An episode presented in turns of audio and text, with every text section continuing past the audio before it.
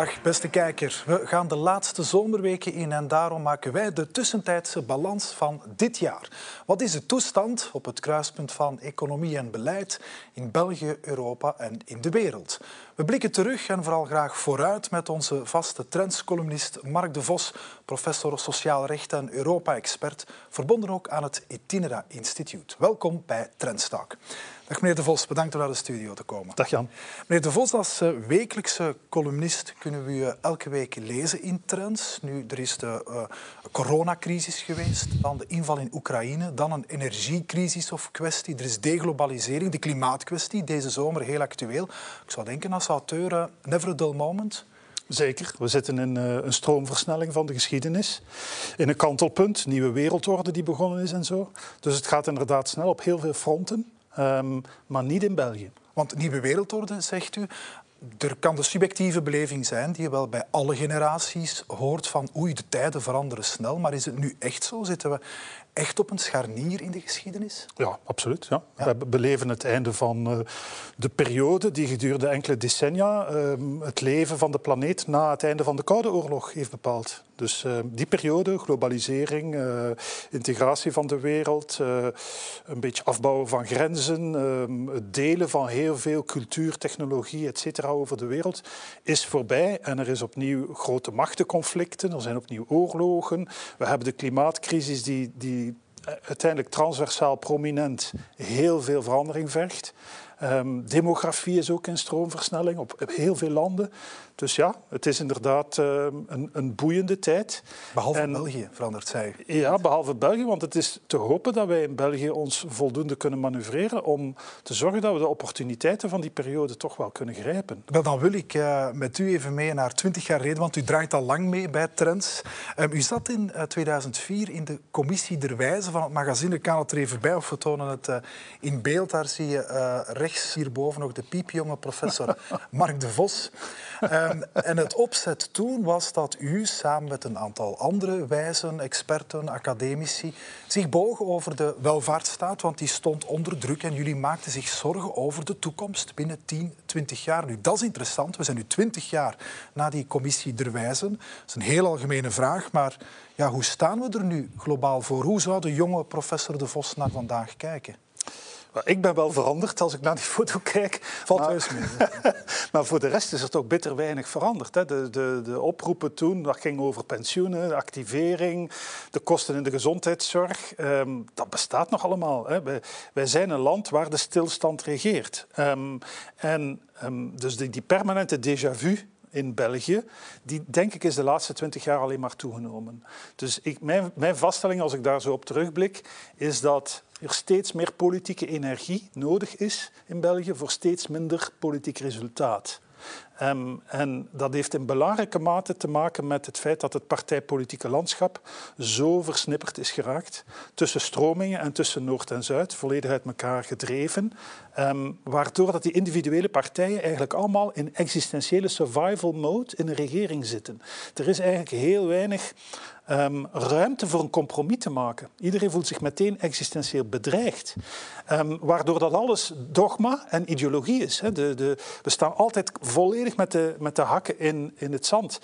Um, en dus ja, tegen de achtergrond van onze politieke cultuur, die al niet fameus is op het vlak van goed bestuur, op het vlak van zakelijkheid, ja. um, op het vlak van de balans tussen regering en parlement, je kunt daar een lang lijstje van maken, ja, zien we toch een land dat um, gaandeweg in verval is geraakt ten aanzien van een aantal referentielanden. We zijn er slechter aan toe dan toen, twintig jaar geleden? Of u ziet nu in de realiteit waar u toen voor vrees? Relatief. Ja. ja. Niet absoluut. De welvaart is bij de vergroeien. Maar we hadden verder uh, kunnen en sterker kunnen staan. Ja, en landen rondom ons die staan relatief gezien dus verder en zijn meer vooruit gegaan. Um, en bovendien, we hebben een residu, een rekening van die stilstand. Dat is onze oplopende schuld- en begrotingsproblematiek, ja. die um, juist op een moment is waar, als die wereld zo in verandering is, je eigenlijk heel veel daadkracht en actiekracht zou moeten hebben van uw overheden. Dat vergt geld en dat geld hebben we niet in die kastje hebben we niet. ik ben even door eh, de oplossingen uh, gegaan die jullie toen naar voren droegen. Dat gaat bijvoorbeeld over het optrekken van de feitelijke pensioenleeftijd. Um, dat is inmiddels het geval. Hè. Die gaat naar 67, gedacht vanaf 20, uh, 2030. Dat is de wettelijke. Dat is de, de wettelijke. De feitelijke is nog iets anders. De feitelijke is iets anders. Maar daar zien we lichte, lichte progressie ja, weliswaar. Dat, maar dat gaat natuurlijk heel traag voordat dat effect doorcijpelt. Loonlasten moesten drastisch lager. Dat horen we tot vandaag de dag van alle economen, alle IMF'en en Europese Commissie en zo meer. Goed, er is een taxshift geweest. Um, noem maar op, als, als u nu kijkt naar deze Vivaldi-regering... Die heeft werk gemaakt van, ik zal het pensioenmaatregelen noemen. fiscale hervorming is er niet gekomen. Ja, hoe maakt u dan de balans als u het afzet tegen ja, wat u al twintig jaar ziet gebeuren? In die context is natuurlijk Vivaldi de exponent van dat geleidelijk verval richting onbestuurbaarheid van België. De complexiteit van die coalitie. En iedereen die moet kunnen winnen en zo, uh, maakt het heel moeilijk. Um, de regering heeft eigenlijk, is vooral een, een, een crisisregering geweest. Met corona toen. Met corona, met, met, de oorlog, met de oorlog en, ja. en, en de energiecrisis. Um, dat klinkt cynisch, maar eigenlijk is dat een cadeau. Want politiek dan. Want dan kun je eigenlijk vrij gemakkelijk maatregelen nemen die geld kosten, zonder dat je de belastingen moet verhogen. Um, en deze regering heeft van deze crisis geen gebruik kunnen maken om hervormingen te voeren. Dat is de vaststelling. Fiscale hervorming is niet gelukt. Ja. Pensioenhervorming, dat is echt um, ja, een, met, met, met mini-mini stapjes vooruit gaan. En dan nog eerder lateraal en soms achteruit. Dus geen hervorming? Uh, ja. bijsturing. Het is een klein beetje. Het is vooral. Correctie. Het is vooral. Kijk, Vivaldi is begonnen met een regeerakkoord dat geen regeerakkoord was. Ik vond dat. Ik zat toen nog in het buitenland in Australië. Toen ik het las, ik viel van mijn stoel, want dat was eigenlijk alleen maar intentie. Zeer vaag. Heel vaag, intentie. Er stonden een paar concrete dingen in. Allemaal voor de PS. Allemaal mini, mini, mini, minimumpensioenen, et cetera. Um, dus ja, dan, als, je zo, als je zo begint, dan gooi je natuurlijk als complexe legislatuur, als complexe configuratie, uh, altijd de feiten achterna. Want je moet altijd maar blijven heronderhandelen. Um, en dus daar is heel de tijd heel veel energie naar gegaan. Um, kijk naar arbeidsmarkt, ook wat dat betreft hervorming. Ik moet ze zien, de hervormingen. He, misschien komen ze nog, we mogen het niet uitsluiten. Um, dus dat is toch wel uh, de vaststelling, eigenlijk de hoofdvaststelling, is dat je het, het eeuwige motto van je mag een crisis niet verkwisten. Hm? Dat is gebeurd in België. Eigenlijk hebben ze het uh, omgekeerd gedaan. Als je voor zo'n belangrijke werf staat als België, zou je moeten beginnen met de inspanningen en nadien het geld uitgeven. Maar u zegt, men is begonnen met het geld uit te geven. Coronacrisis, energiechecks, noem maar op. En de minimumpensioenen verhogen. En wanneer het moment er is om te hervormen, ja, nu is het te laat. Te dicht bij verkiezingen. En Zo is het, ja. En ook, wat die partij dan... Ja, en ook de witte broodsweken of jaren van er is geen begrotingsdiscipline nodig. Ja, het mocht ook. Hè? Het mag van iedereen, mag van Europa, het mag van de financiële markt. Er is niemand die er naar, naar kijkt. Die periode is ook voorbij. En dus je had in die periode, als we het hebben over de fiscale hervorming, de fiscale hervorming moeten doen. Ja. En dan had je veel verder kunnen gaan, want had niet moeten kijken naar de onmiddellijke impact op de inkomsten wat, eh, wat, vond u trouwens van die fiscale hervorming? Want op een bepaald moment was iedereen uh, er natuurlijk op verlekkerd. Vincent van Petegem kwam met zijn blauwdruk vertellen dat we met z'n allen werkenden, wat was het, 830 euro per maand netto meer zouden overhouden. Langzaamaan bleef er minder en minder van over. Maar goed, wat vond u van het uh, initiële plan van Van Petegem? Well, bij mij is wat vooral, uh, het is vooral déjà vu. Dat déjà vu opnieuw. En vooral met pensioendossier. Daar zijn ook grote studies over gebeurd. Hè? We weten wat we moeten doen. Ja, we weten het. Hè? Er is heel veel energie aan in het bestuderen van problemen en aanbevelingen maken. En dus bij de pensioen is dat niet gelukt. We hebben dat twee keer gedaan. Zo'n momentum maken. En dan moet er politiek beslist worden. Niet gelukt. Ik stel vast dat het hier ook niet gelukt is. Um, Gaat het terugkeren en zal het met veel potentieel terugkeren? Ik denk het niet, omdat dus de gigantische begrotingsrealiteit en de druk die op de ketel zal zijn, het zeer moeilijk zal maken om daar bovenop nog eens de moeilijke politieke keuzes van fiscale hervorming te nemen. Maar goed, we moeten blijven hopen. Um, de, de, ons, ons fiscaal systeem is wat het is. Daar zijn niet veel geheimen meer over. Je kan ook uh, fiscaliteit niet op 36 verschillende manieren veranderen. Ja, want wat zijn de bouwstenen? Uiteindelijk komt het altijd weer neer, ook in de aanbevelingen internationale van experts, het gaan verhogen van de netto-lonen, Ehm, wat zijn de bouwstenen van een fiscale hervorming? Daarover is totale consensus. Hè? Dat is ook eigenlijk niet te betwisten. Dus we zijn zowat in alles bij de top van belastingdruk. Ja. We zijn wereldkampioen als het over arbeid gaat en dat is bijzonder schadelijk. Daar is iedereen het over eens. Dus zou je moeten verschuiven en zou je moeten zeggen, ja, we gaan naar consumptie, daar is nog wat marge op. Vooral omdat we heel veel uitzonderingen hebben gemaakt in consumptie. En, en vervuiling, daar kunnen we ook nog wat doen. En dan rond kapitaal, over het algemeen, globaal, is dat al hoog belast, maar achter dat gemiddelde zitten nog wel dingen die je kan doen. Eigenlijk is het dat. En voor de rest is de rode draad simplify, simplify. De overheid simplify, fiscaliteit. Schrap, schrap, schrap. Schrap alle uitzonderingen, schrap de, de faveurtjes, schrap de subsidies. Maak ruimte voor transparantie, eenvoud, rechtszekerheid. En zo ga je natuurlijk... Dat is de basis waarmee je een fiscaliteit maakt. En dat is dan een hervorming waar je dan altijd wel iemand ongelukkig mee maakt. Iedereen wil een belastinghervorming tot dit of eender welk voordeel plots verdwijnt voor een individuele burger. Of, ja, maar ik vrees dus je moet daar gewoon op doorpakken. Ja, tenzij dat we dus tegelijkertijd een groeimirakel hebben, is er geen andere hervorming denkbaar dan geven en nemen tegelijkertijd. En het zal dus altijd iemand pijn doen. Maar het is in het algemene belang en op de langere termijn dat je dat soort dingen doet. Um, en het moment om het te doen was nu.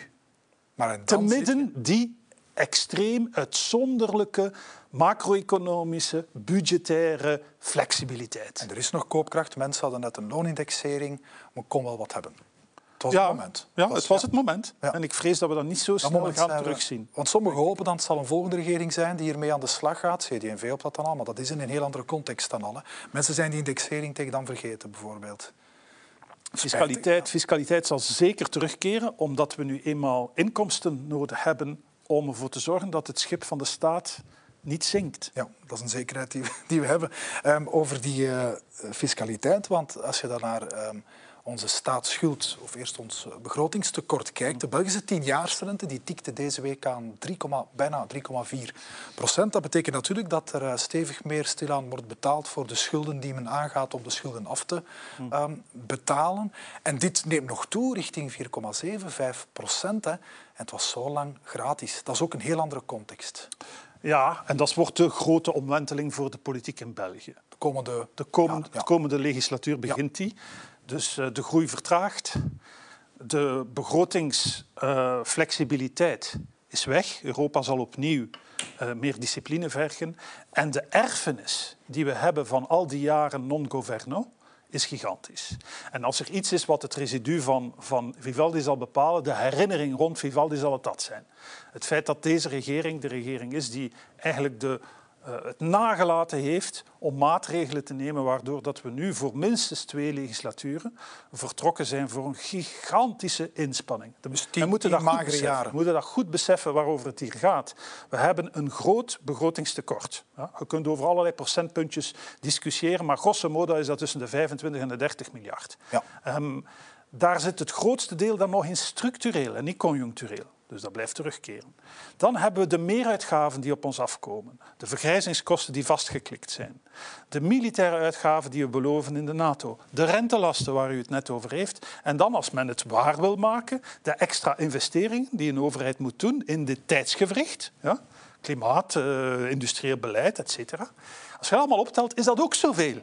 Dus in de kering is dat ongeveer 50 miljard. En 50 miljard, voor de duidelijkheid, dat is bijna het hele werkingsbudget van het Vlaamse niveau. Hè. Dat, is, dat is heel veel geld. Het is, een, het is een uitdaging die we nog niet hebben gezien sinds begin jaren 80. Um, en toen hadden we nog de Belgische frank die we hebben moeten devalueren om die uitdaging aan te gaan. Nu zitten we in de euro en het zal intern moeten gebeuren. En dus um, ik denk dat de, kijk, de kijker heel goed moet beseffen dat het maar over één zaak meer gaat. Dat is besparen in de eerste plaats. En dan u afvragen, kunnen we door efficiëntie verbeteren? En tenslotte, daarom dat ik zeg fiscaliteit zal nooit weggaan, zullen er natuurlijk een aantal partijen zijn die de schuif opentrekken met ideeën voor nieuwe belastingen, want dat is het gemakkelijkste van al in de politiek. Het nieuwe belasting en ook wat de kritiek op het plan van Van Petegem was onder meer, ja goed, het is een tax-shift, geen tax-cut eigenlijk. Het globale belastingspeil blijft even hoog, maar is ook dat die overheid niet in haar eigen werking ingreep. Um, dat zal ook nodig zijn. We blijven met een very big government zitten. 52 procent van uh, alles. Al en die is de laatste 20 jaar fels gegroeid ten aanzien van het overheidsbeslag in bijvoorbeeld in Duitsland of in Nederland. Ja. Um, dus dat is opnieuw die optelsom van het non-beleid in België. Dus ik pleit al enige tijd. We hebben een vergrijzingscommissie die ons telkens voorschotelt wat de vergrijzingskosten gaan zijn binnen 20, 30 jaar enzovoort. Ik pleit al enige tijd voor een besparings- en efficiëntiecommissie waar we dus op een, op een complete... Want je moet eigenlijk alles op tafel leggen en je moet in de boekhouding van al die departementen, et cetera, gaan kijken om eens te zien waar kunnen we vereenvoudigen, waar kunnen we dus dingen stoppen, veranderen en wat kunnen we eigenlijk besparen. In Vlaanderen heeft men een, een soort overweging, brede overweging gedaan om met de kam door alles te gaan. We zouden dit eigenlijk ook moeten doen. En als het iets is dat de regering nog zou kunnen doen voor de volgende legislatuur, ah, dat zal is het eigenlijk dat voorbereiden. Ja. Zo, Dan heeft men al de data en, ja, ik Vind dat, ik vind dat echt het aanbevelen waard, want dat zou ook enige zindelijkheid brengen in het electorale debat. Ik ben heel, heel beducht voor een complete hallucinatie tijdens de verkiezingen waar we dus ons, ons uh, gaan afsluiten van de realiteit dat het geld op is. En dat we van allerlei ideetjes en proefballonnetjes gaan hebben en dat we daarmee de kiezer eigenlijk een, een rad voor de ogen gaan draaien. Dus het, uh, ik, ik, zou hier een oproep willen doen aan, aan de regering om, daarmee, om daar nog werk van te maken. Ja, daar heeft ze nog tijd voor en dat is eigenlijk het werk. Voorbereiden van de volgende legislatuur. Voilà, in de stijgers zetten, de data verzamelen. Van dit zijn de cijfers. Ja. Dat is mooie oplijsten. Nu, over cijfers gesproken. Uh, we zitten met die enorme historische uh, staatsschuld ondertussen. 570 miljard, dat gaat naar richting 120 procent van BBP. Tegelijk was er begin deze week het uh, nieuws, hè, volgens de jaarlijkse berekening van Credit Suisse. Ja, zijn wij Belgen volgens de mediaan weliswaar de rijkste burgers van de wereld. Ehm, goed, je zou kunnen zeggen, het geld zit niet bij de staat, maar wel bij die burger. Ja, dat is een dooddoener in België. Hè, dat de staat uh, is failliet en de burgers zijn rijk. Um, maar over, de, over die studie en het meten daarvan kan je... Er is heel veel discussie over het cijfer zelf. De vaststelling is vooral, hè, laten we, laten we alle, alle gekheid op een stokje. De vaststelling is, wij hebben geen marge in het beleid. Ja, doordat wij... Nederland heeft 30 miljard op tafel gelegd voor de industrie te steunen in de klimaattransitie. Ja. Duitsland alleen al sinds vorig jaar meer dan 60 miljard gesubsidieerd. De Tesla's, de, de, de Intels, de Nordvolt-batterij, TSMC, de Taiwan, Taiwanese... een fabriek in Dresden. Allemaal in Duitsland. Ja. De vaststelling is, wij hebben de hefboom niet. Wij zitten op ons standvlees. De vaststelling is vergrijzingskosten. Nederland heeft een gigantische pensioenkapitalisering voorraad. Ja? Ik denk 1500 of meer nog, uh, miljard euro. Wij hebben nul. Hm? Wij zitten permanent met de lopende rekening van de toenemende vergrijzingskosten. We kunnen maar dat hopen is op, de uitdaging en op in geen België. acute crisis. Hè? Dat is de uitdaging in België. En uiteraard mogen we blij zijn dat er nog welvaart is in België, dat er nog welvaart wordt gemaakt. Want als dat niet zo zou zijn, dan was het al lang voorbij geweest. Naar Europa. Um, wat wij aandachtig volgen en, um, en, en, u ook uh, bij ons in, in Trends. Ehm, de indruk na ehm, de voorbije crisissen die we bespraken is, ehm, is dat het Europees beleid zeer prominent aanwezig is. Uh, we lijken in Europa een figuur als een Ursula von der Leyen uh, te zien dat steeds meer, of telkens bij crisissen, telkens bij die schokken, bij Europese schokken, zichzelf of ingrijpt en de macht die het zich toe-eigent ook bijhoudt. Groeit Europa gestaag doorheen die crisissen? Mm -hmm. Zeer zeker. Dus ik, denk, ik vind dat het meest opmerkelijke politieke feit van ons tijdsgevricht, van die kanteling waarin we zitten. Um, is begonnen met de coronapandemie, waar we eigenlijk spontaan naar de Unie als een soort gezondheidsunie ja, uh, zijn gaan kijken. Die moeten dat beheren, die moeten grenzen enzovoort. Um, dus, en bij elke crisisgolf zien we eigenlijk dat de lidstaten heel spontaan die coalitievorming op Europees niveau doen. Um, en dat is toch wel vrij opmerkelijk. Hè? Dat is een vrij natuurlijk proces. Er gebeurt iets dat we ja, op nationaal, nationaal niveau moeilijk kunnen beheersen. We kijken naar boven. En het, dat komt dus zowel van Europa naar beneden als van wij Ja, naar dus, eh, Europa. ja. Dus eh, als, als je kijkt naar bijvoorbeeld heel de klimaatproblematiek, is de vaststelling dat Europa als eerste continent top-down heeft gezegd wij worden eh, eh, allee, eh, Ja. zero emission, hè, carbon, carbon neutraal, koolstofneutraal, tegen 2050. Wat betekent dat heel de filosofie van Europa wordt omgedraaid? De Europese Unie was eigenlijk een, een groep van landen die zeggen we gaan samen een eengemaakte markt maken, we gaan daar de grenzen van afschaffen en we gaan zorgen dat we niet te veel overheidsinterventie in die markt hebben. Want als dat gebeurt, dan is Duitsland tegen Frankrijk, tegen België, et cetera, dan is concurrentie, dan is het een subsidiewetloop. Ja. En nu zien we dat Europa eigenlijk die marktlogica heeft omgedraaid voor ehm, ja, ecologische, industriële, top-down planning. Een beetje, ik noem dat China light. Ehm, Ja, ja. Lange termijn planning. Het is een klimaatplan. Ja, allerlei doelstellingen die moeten behaald worden door de private sector tegen deadlines. En daar dan een hele machinerie van regels en subsidies op loslaat. Nu, u schreef ook eh, in Trends deze lente dat dat ook eh, de hele markt verandert in een kapitalisme waar eh, ja, de consument en winst centraal staan. Spreekt u dan over ja, ecologisch staatskapitalisme? We zijn nu dingen aan het doen die we vroeger zouden afdoen als concurrentievervalsing of kartelvorming. Ja. Paradigma verandert Ja, voor het klimaat. Eh, voor het klima- niet alleen voor het klimaat, ook omwille van de geopolitieke toestand. Ja. Hè, Dus Europa eh, met, met zijn interne vrije markt was eigenlijk een soort globalisering binnen Europa. In een wereld die ook globaliseerde. En dan was het heel eh, coulant om te zeggen we gaan naar Europa voor vrijhandel één, niveau bevoegd maken. Maar doordat Europa die bevoegdheid heeft gekregen voor economie en markt, in een context waarin het niet niet meer globaliseren is, maar deglobaliseren, nationalisme, protectionisme, tarieven, eh, bevoorrechte technologie, industriële autonomie, strategische veiligheid, het lijstje is heel lang. Ja? China doet dat, Amerika doet dat, ja? alle landen doen dat. En wie doet dat dan in Europa? De Europese Unie. ja. De Europese Unie stond daar in een wereld die rondom haar volledig is veranderd. En daardoor is de missie van de Europese Unie wat dat betreft ook compleet veranderd. Terwijl ze daar eigenlijk niet voor gemaakt is. Dus eigenlijk is economie een verlengstuk van geopolitiek geworden. Kijk, kijk naar het conflict met, met, Ja, het is ook met is een Rusland. effectieve wapen Ja, dat is een wapen. een drukkingsmiddel. Ja, maar niet- Ehm, maar dit verandert het hele, het hele wezen van Europa. Nu, en, en we gaan het maar verklappen ook. U, u, werkt, u legt de laatste hand aan, aan een boek hierover. Hè? Over, Ja, dat is, dat is voor het einde van het jaar. Ja. ja. En dat gaat over ja, heel dat DNA van Europa dat verandert. Van globalisering ook deglobalisering. Vrijheid naar grenzen. Kijk naar migratie. Ja. Dit is heel anders dan het vredesproject waar we na de oorlog gaan begonnen. Absoluut. Absoluut, dat is de vaststelling. Ehm, het gaat ook over echte harde macht in Europa. Hè. Als, je, als je kijkt naar, eh, naar de oorlog tegen Rusland, hè, dat is een totale oorlog. Dus in die oorlog wordt niet alleen het militaire gebruikt, maar ook het technologische.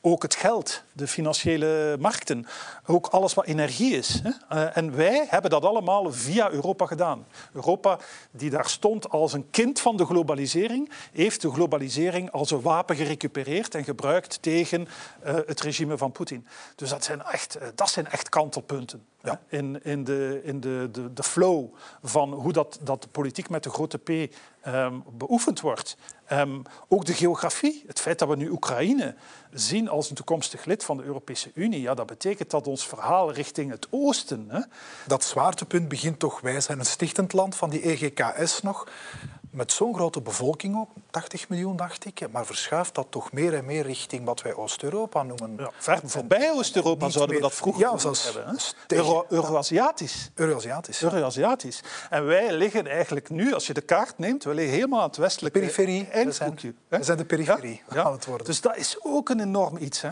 Dus dat, geeft, dat gaat gaandeweg in termen van de cultuur en de, en de mindset van Europa een andere oriëntatie geven aan het beleid binnen Europa. Dat, is, dat zien we nu al met de oorlog, dat zien we nu al met de- het belang van een land als Polen, met het belang van de Baltische landen enzovoort. Dus dat zijn echt enorme veranderingen. En die gebeuren eh, ja, een beetje zonder dat we het bijna beseffen. hè. Ja, het gebeurt wat in de draai, zoals men zegt.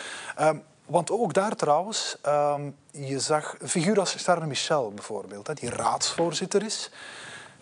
De Europese Commissie, daar kennen we Ursula von der Leyen. We zagen een heel actieve, prominente Charles Michel bij het uitbreken van het eh, conflict in Oekraïne, die zich ook ja, zeer presidentieel begon op te stellen op het internationale geopolitieke toneel ook.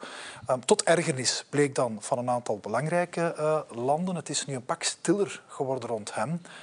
maar ook omdat er ook meer macht verschuift naar die Europese zeg maar, regering, weg van die raad, naar die commissie. Zie je dat ook gebeuren? Ja, absoluut. Dus ik denk dat uh, de profilering van, van meneer Michel een, een zwaktebod is, eerder dan een sterktebod. Dus de, het is zeker dat met die, die roltransformatie van de Europese Unie uh, en die opeenvolging van nieuwe opdrachten, dat we op een natuurlijke manier de Europese Commissie op polepositie zetten in Europa. Want de Europese Commissie dat is de enige werkbare bureaucratie binnen Europa. De voor de duidelijkheid, omdat daar kan beslist worden, democraat, de raad van, van landen, de verzamelde landen, dat is een traag democratisch besluitvormingsproces. Dat, dient, dat heeft altijd maar en alleen gediend voor de bakens, ja. voor de agenda. Hm? Maar nu gaat het zo snel dat je eigenlijk continu in uitvoeringsmodus en planningsmodus zit, een opvolgingsmodus zit, waardoor dat het zwaartepunt in Europa natuurlijk richting de Europese Commissie verschuift.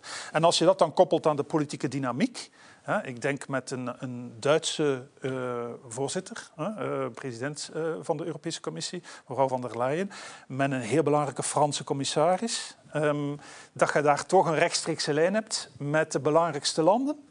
Um, waardoor dat ook de politieke uh, ententes vrij snel kunnen afgeleid worden. Zo zie ik dat. Ik ben daar geen insider van. Maar dus ik vind het helemaal niet verrassend dat um, de, de raad uh, en, de, en de rol uh, van meneer Michel een beetje op, op tweede plan komen. Nu vindt u niet alles ehm, een uh, goede evolutie? U mag gewoon antwoorden ja of nee, want de rest moet in uw boek gelezen worden. naar, naar, dit wat het Europa, het past zich wel aan aan die veranderende wereld. Hè, en vrij snel. Wel, laat mij zo zeggen dat het vraagt... Het, het roept heel veel vragen op. Ja. Heel veel vragen over uh, relatie tussen Europa-lidstaten, over waarden... Um, over een aantal spanningsvelden die binnen Europa naar voren zijn gekomen, die we eigenlijk nog niet voldoende zien, die eigenlijk een beetje onder tafel zitten. Maar da daarvoor uh, zal ik eens graag ja, terugkomen als het boek uit is. we gaan het boek. Dat is voor november, hè, voor alle duidelijkheid. Dus, uh, um, Oekraïne, ik wil even ja. met u daar. U schreef laatst ook, uh, we zijn geen militaire experten, maar iedereen kan vaststellen dat ehm, ja, een, een, een, een, zomer van hoop dat het wat moest worden. Militair, tactisch dan voor Oekraïne. Ja, zo'n zomer is het niet geworden. Dat dreigt daar vast te lopen, een uh, padstelling. Hoe uh, kijkt u daarnaar um, geopolitiek? Waar begint dit op te lijken? Wel, ik, ik, hoop dat het nog niet is. Hè? Ja, dus de ja, zomer is nog niet voorbij. Tot uh, midden september. Ja, de zomer is nog niet voorbij, laten we het hopen. Maar in ieder geval denk ik dat uh, zowat alle commentatoren uh, vinden dat het minder goed gaat dan men gehoopt had. En waar men eigenlijk ook voor een stuk op gerekend had. Um, Oekraïne heeft, heeft, de wereld verrast met de, de, sterkte en patriotisme en de moed die ze hadden toen ze werden binnengevallen. Maar ondertussen is wel 160.000 vierkante kilometer bezet. dat is twee keer de Benelux. Hè. Ja, ja, ja. Dus ja, um, en wij willen eigenlijk als... we moeten dat van ons, uit ons perspectief. Wij willen een resultaat waardoor dat we geen precedent hebben dat Poetin eigenlijk wegkomt met een overwinning. Ja. Hm? En dus hij heeft op dit moment een zeer grote overwinning. Hm? 160.000 vierkante kilometer overwinning. Um, en de vraag is, kunnen wij dat realistisch maken dat hij dus met lege handen um, dit conflict zal verlaten op een of andere manier? En de vaststelling blijft dat Oekraïne alleen staat in het vechten tegen de Russen. En dat daar een enorme machtsonevenwicht is tussen die twee landen. Dat is de vaststelling. De vaststelling is ook dat Rusland zeer weerbaar is gebleken in het um, ja, maar overeind houden van economie uh, samenleving, ook geopolitiek, relaties met China, relaties met Afrika, etc. En eigenlijk hun economie volledig in een oorlogseconomie hebben omgedraaid. Ja, hij staat niet alleen, hè. Poetin in de wereld. We hadden het graag gewild, maar uh, economische groei... Oké, okay, dat het een oorlogseconomie is, uh, dat is wat doping, maar toch 4, nee, hoeveel was het? 4,9 procent, tweede kwartaal. het trekt het tot nu nog wel, hè. Hij is klaar voor meerdere jaren strijd, minstens, zegt men. En een oorlogseconomie, dat betekent een economie die in staat is om de, de vernietiging van materiële wapens op de, op de schaal die dat conflict genereert, vol te houden. Wij zijn niet in staat dat vol te houden in het Westen. Wij hebben geen oorlogseconomie voor de productie Europa, uh, ja. in het Westen voor de productie van, ammunitie, van munitie, van wapens, etc. Het enige wat we zouden kunnen hopen is dat Amerika zegt wij gaan onze grote strategische reserves doneren. Maar uh, er is een grens wat Amerika zou willen doen. Dit is in eerste instantie een Europees conflict. Uh, Amerika gaat richting presidentsverkiezingen. De, het kan niet anders dan dat het in het politieke debat in Amerika zal in toenemende mate gaan over wat willen wij eigenlijk nog wel doen voor Oekraïne. In totaal heeft Amerika denk ik al voor 80 miljard steun, materieel, et cetera, geleverd, inclusief geld enzovoort. Um, dus ik, ik, ik hou mijn, hand, uh, mijn hart vast liever voor um, ja, een toxische presidentscampagne. Hè? Als, als een Trump tegen Biden zou komen ja, Zeker met Donald Trump die de toon zet en de vraag zal gesteld worden van welk, welk geld, ga, geld gaat daar allemaal naar dat conflict daar ver weg in Europa. Ja, hoe lang zal de Amerikanen Zeker wanneer die doorbraak aan het front uitblijft. Ja, ja, en, en dus dat risico is denk ik zeer reëel dat we op dit moment een piek piek beleven van de politieke steun voor Oekraïne in Amerika. Dat door de verkiezingen het niet anders kan dat die steun zal afnemen. En het slechtste scenario is dat er een republikeinse president à la Trump um, in het Witte Huis zou komen. Dat is het scenario waarop Poetin rekent. En Poetin, denk ik, zal er alles aan doen om zijn oorlog minstens tot het moment van de verkiezing van de nieuwe president ja, ja, te rekken. En als Poetin in het Witte Huis komt... Poetin niet, hè? Maar een Sorry, acolyt. Een acolyt ja. Poetin in het Witte Huis. Dan, dan zitten we nog eens samen maar Donald Trump die wil dat op één dag regelen, heeft hij al gezegd. Hij heeft dat al gezegd in de kiescampagne. Dat is dus opgelost. Dat is, een, dat is, een, voorproefje. Het stopt dan gewoon? Of, of dan, dan, dan, verandert het, het speelveld. Hè? Ja. Um, um, en het slagveld ook. En wij moeten denk ik hopen dat meneer Biden eigenlijk op het laatst van zijn huidige ambtstermijn nog een aantal grote beslissingen zal nemen die eigenlijk een fait accompli zijn, waardoor dat hij een brug legt naar de toekomst met de Amerikaanse steun, zodanig dat dat verworven blijft um, voor enige tijd. Want anders kan het wel eens heel snel keren, dat vrees ik. Eh, ook dat moet hij dan natuurlijk weer in de campagne weten sterk te en te verdedigen bij de, bij de Amerikanen. Um, Europa, u zei het er net, wij, hebben zelf eh, onvoldoende vuurkrachten, zeg maar. Maar is nu ook bezig met het ehm, ja, opzetten van een defensiestrategie. Men gaat de aankoop, gemeenschappelijke aankoop van wapens, van munitie. 500 miljoen euro wordt vrijgemaakt. Goed, ehm, slaan we de goede weg in? Kunnen we hiermee onze achterstand inhalen? Maar is het de goede weg? Zeer zeker. Gaat het een verschil maken aan het front in Oekraïne? Ik denk zeer zeker niet. Want als, als je dat... investering laat zich pas voelen binnen vijf ja, dat is het. en meer. Ja. Kijk naar Duitsland. Duitsland met zijn Zeitenwende heeft 100 miljard op tafel gelegd voor uh, militaire capaciteit. Hoeveel daarvan is al effectief besteed en hoeveel van het besteden is al geleverd? Dat zijn projecten op, uh, op PDF. Ja? Dus, uh, dat zijn... dus het, het, het is goed voor, voor de wereld na Oekraïne? Die een harde wereld is, waar we conflict opnieuw in onze voortuin hebben of achtertuin, afhankelijk van hoe je naar Europa kijkt. Daarvoor is het goed. Maar gaat het een verschil maken in de oorlog? Niet tezij de oorlog blijft aanslepen. Je kunt onze reis door die, uh, die harde wereld uh, met uw uh, landen in China. Die Chinese economie zit in zwaar weer. De industriële activiteit is in juli gedaald, vierde maand op, op rij. Er is nu ook opnieuw een vastgoedcrisis, met deze keer een country garden. En die vastgoed is toch een pijler van die enorme Chinese groei. Ja goed, daar, daar beweegt wel wat. in die planeconomie krijgt het politbureau in Peking dit nog op, op rails. Wel, ik, ik, ik behoor tot diegenen, uh, dat weet u als u de columns leest, die al lang zeggen dat het Chinese groeimodel en ook het Chinese economische model van communistische planeconomie per definitie eindig zal zijn. Dus in die zin krijgt u, dus, um, weet u gelijk. Hè, als het, uh... wel, uh, ik, moet daar niet, ik heb daar niet veel verdiensten aan. Maar het verrast toch wel veel mensen dat het ineens zo moeilijk is in China. Want als je dat analyseert, dan stel je toch vast dat China zichzelf compleet heeft vastgereden. Het oude groeimodel van infrastructuur, huisvesting, met heel veel schulden, zowel schulden bij de lokale overheden als bij de mensen en bedrijven, met heel veel leverage. Dat oude groeimodel is voorbij. En China is op dit moment niet bereid om te zeggen, we gaan dat met allemaal opkuisen en we gaan het opnieuw eens doen. Op dit, dat zou eigenlijk kunnen. Als je kijkt naar nieuwe groei, ja, globalisering, die is op de retour. Dus China als productiemechanisme, productiehuis, warehouse voor de wereld, dat is op de retour. Als je kijkt naar uh, technologie, dat is, dat is Koude Oorlog, dat is ontkoppelen. Dat, dat, dat vergt een transitie. Dat gaat niet meteen heel veel extra groei opleveren. Als je kijkt naar consumenten en ondernemen, dan zeg je dat moet het land vrijer worden. Ja, we hebben heel veel zaken gezien waar... Uh, Terwijl Xi het omgekeerde doet. Ja. Xi is, is, is, heeft China richting autoritarisme gebracht, waardoor dat er een enorme psychologische druk en een, een soort willekeur van de overheid losgelaten is op ondernemers, ehm, zeker op superster-ondernemers, en ook op de gemiddelde Chinese burger, die heel veel onzekerheid heeft. Hè? Onzekerheid is belangrijk in economisch potentieel. Denk hoe lang heeft men COVID niet aangebruikt voor draconische maatregelen.